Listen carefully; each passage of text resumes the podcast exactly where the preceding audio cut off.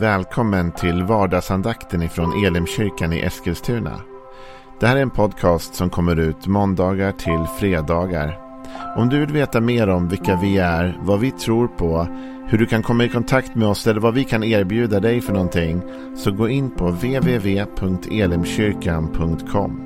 Får jättegärna gå in och likea vår Facebook-sida. Det är facebook.com elimeskilstuna. Eller så söker du upp oss på YouTube och då söker du på Elimkyrkan Eskilstuna. Vi vill jättegärna komma i kontakt med dig. Men nu lyssnar vi till dagens andakt.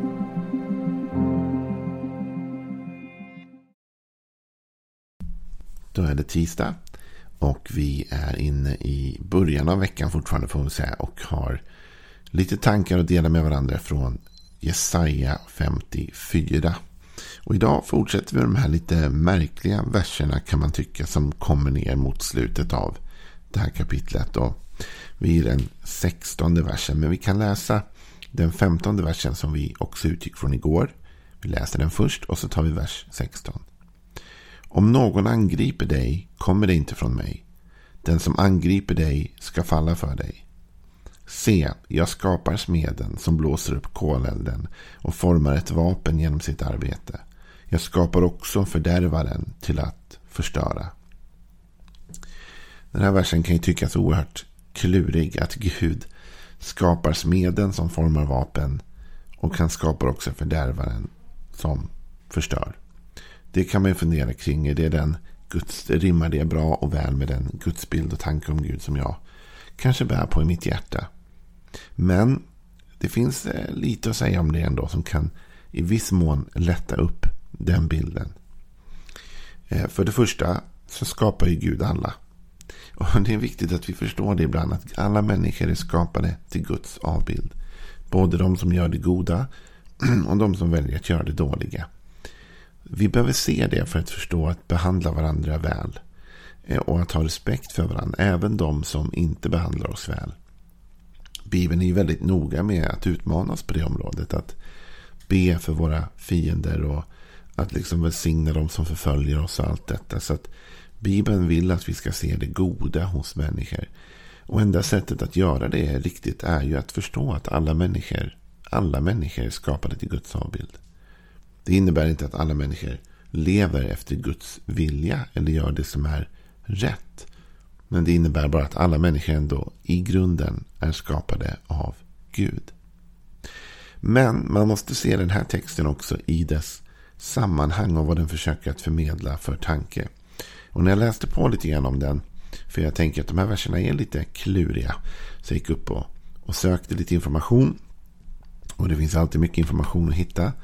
Så eh, finns det lite kommentarer som är skrivna till Bibeln. Massor såklart. Och en kille som heter Barnes, eh, Barnes Notes on the Bible, ett känt eh, kommentatorsverk. Han skriver så här. Att eh, the sense of this verse is everything that can affect your welfare is under my control. Allt som kan påverka ditt, ditt välmående är under min kontroll. Det är själva känslan i den här versen, säger Barnes. Och det tror jag är känslan i den här versen. Att Gud talar till Israel, sitt folk. Och han säger till dem, du behöver inte vara rädd. För om någon angriper dig så är det inte jag som har sänt den personen. Och du ska också veta att alla de som angriper dig, de har jag egentligen skapat i sådana fall. Alltså jag känner dem intimt och väl. Jag vet precis vilka de är och hur de är. Eh, och de är under min kontroll. Så det finns ingenting som kan komma emot dig som inte jag känner till. Som inte jag har fullständig koll på. Vet hur det fungerar. Eh, och kan hantera. Så Gud blir liksom aldrig taken by surprise liksom, av det som attackerar dig. Eller det som, han vet precis, för han känner dem, för han har också varit den som egentligen har skapat dem. Och jag tänkte spara det lite mer till imorgon. Men faktum är att läser vi vidare här i Jesaja 54 så ser vi att Gud lovar att de här vapnen inte ska ha framgång mot Israel. Men de är ändå formade och de finns där. Vilket leder mig till egentligen den, den djupare punkten kanske. Varför finns det överhuvudtaget saker som kan förstöra? Finns det något gott syfte med det överhuvudtaget? Eller är allt detta bara av ondo? Nej, men jag tänker mig att det kan finnas av godo också. Det är klart att vi skulle önska allihopa att det inte fanns behov av vapen eller sådana saker. Det är väl allas vår önskan. Men man måste också se att det kan användas till olika saker. Vapnen kan ju användas till att attackera, skada. Och då är det ju ingenting som Gud önskar och älskar. Men det kan också användas till att försvara. Eh, och försvar är ju någonting som kan behövas. Eftersom ondskan finns i världen och gör sig känd. Så måste vi ibland kunna försvara oss själva. Här talas det om fördärvaren som förstör. Ibland behöver saker förstöras. Det är en liten tuff sanning, men det är ändå så. Ibland har det byggts upp saker som behöver rivas ner. Och då behövs det ibland en fördärvare som kan förstöra. Det behövs någon som kan komma in och, och riva sönder någonting. Jesus, på ett sätt, agerar fördärvaren ur ett syfte när han går in och rensar templet. För han tycker att det har byggts upp en kultur där i templet som inte längre återspeglar det som Gud hade tänkt. Så han går in där och han jagar bort dem som säljer och köper och han driver bort dem därifrån. På det sättet så, på ett sätt spelar han rollen av en fördärvare som förstör den negativa, dåliga miljö som har byggts upp. För att Gud ska kunna bygga upp någonting nytt. Ingen av oss gillar ord som förstöra. Ingen, ord gillar, ingen av oss gillar ord som fördärva. Det här är inte positiva ord. Vapen är inte heller ett positivt ord. Det här är negativa ord, men de kan spela ut sig i ett positivt spel. Till exempel i predikaren så talas det om sådana här motsatsord hela tiden. I det tredje kapitlet. Du vet det kapitlet där det står att allt har sin tid och det finns en plats för allting. Vi kan läsa några verser där. Det står så här. I Predikan 3. Allt har sin tid. Det finns en tid för, att, för allt som sker under himmelen. En tid att födas och en tid att dö. En tid att plantera och en tid att rycka upp. Det planterade. Och en tid att dräpa och en tid att hela. En tid att riva ner och en tid att bygga upp. Så talet fortsätter de här texterna och fortsätter sätta upp motsatsord kan man säga till varandra förklara att det finns olika tider i livet. Och det finns en tid för att bygga upp. Och det är ett positivt ord. Det är det vi vill. Men det finns också en tid för att riva ner. Och ibland måste riva ner komma innan bygga upp. Ibland är det så att det har byggts upp saker som står i vägen för det Gud vill göra. Det har kommit fram saker. Det kan vara en kultur. Det kan vara eh, olika typer av, av vad som helst egentligen som kommer upp och nu blir ett hinder för Guds rike. Då måste de sakerna ibland först rivas ner innan det nya kan byggas upp. Och det är ju en smärtsam process. Och för detta så krävs det ibland en fördärvare. Det behövs den där personen som kommer in som en wrecking ball som vi ibland säger och faktiskt bara river ner någonting. Och det kanske inte liksom blir på rätt sätt jämt och det kanske inte alltid sker smidigt. Sällan gör det väl det. Men ibland behövs det. Därför att Gud har någonting som behöver göras och det behöver byggas någonting nytt. Och vi kan inte bygga något nytt här innan marken är förberedd. Jag har ju faktiskt varit med om eh, ett kyrkbygge en gång när jag jobbade som ungdomspastor i Huddinge. Och det var inte jag som drog i alla trådarna, för det är absolut inte väldigt lite faktiskt typ noll. jag var ju med i det, men, alltså i församlingen, men jag, jag drog inte i bygget. Men jag fick ändå följa på håll lite grann hur det här fungerar. Va?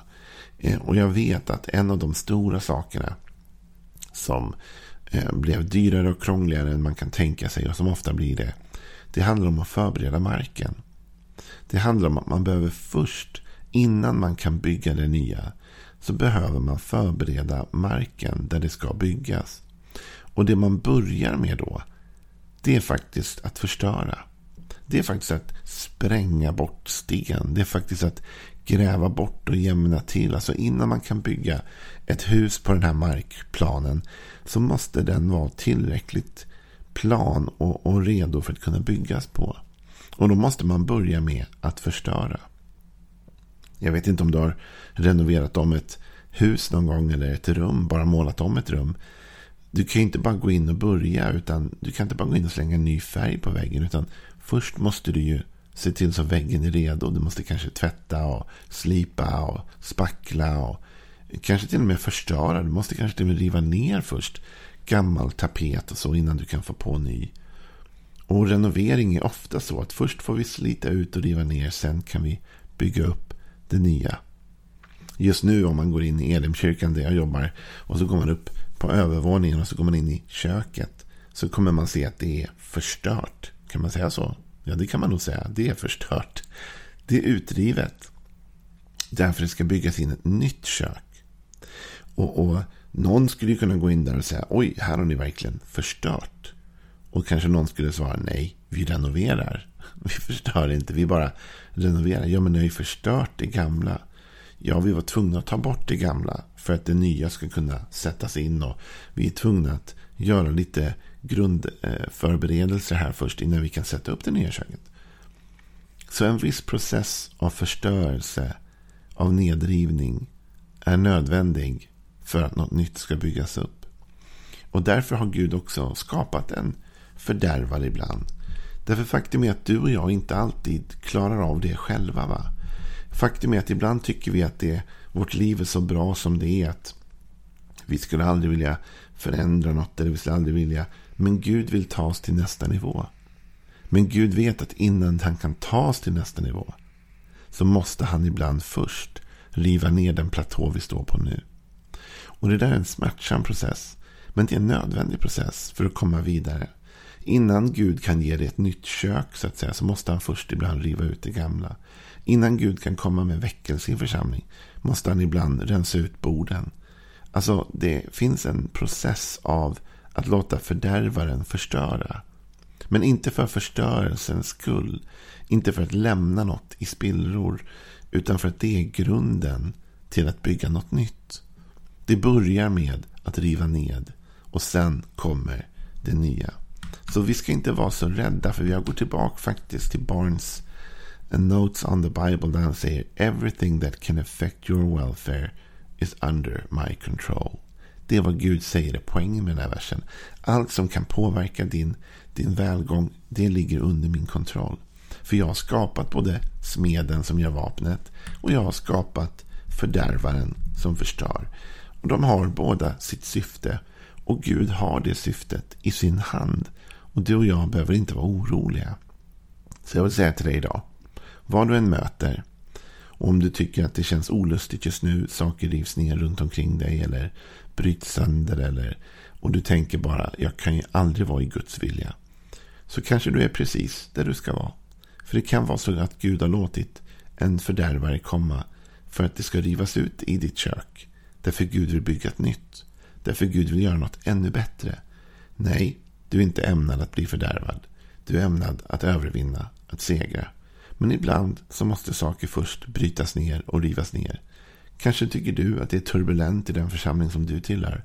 Ibland behöver det bli turbulent därför att Gud ska bygga något nytt. Och först måste han riva ner det gamla. Det var några tankar från mig idag. Men imorgon kommer en mycket mer uppmuntrande vers än den versen efteråt kanske. Som säger att inget vapen som smids mot dig ska ha framgång.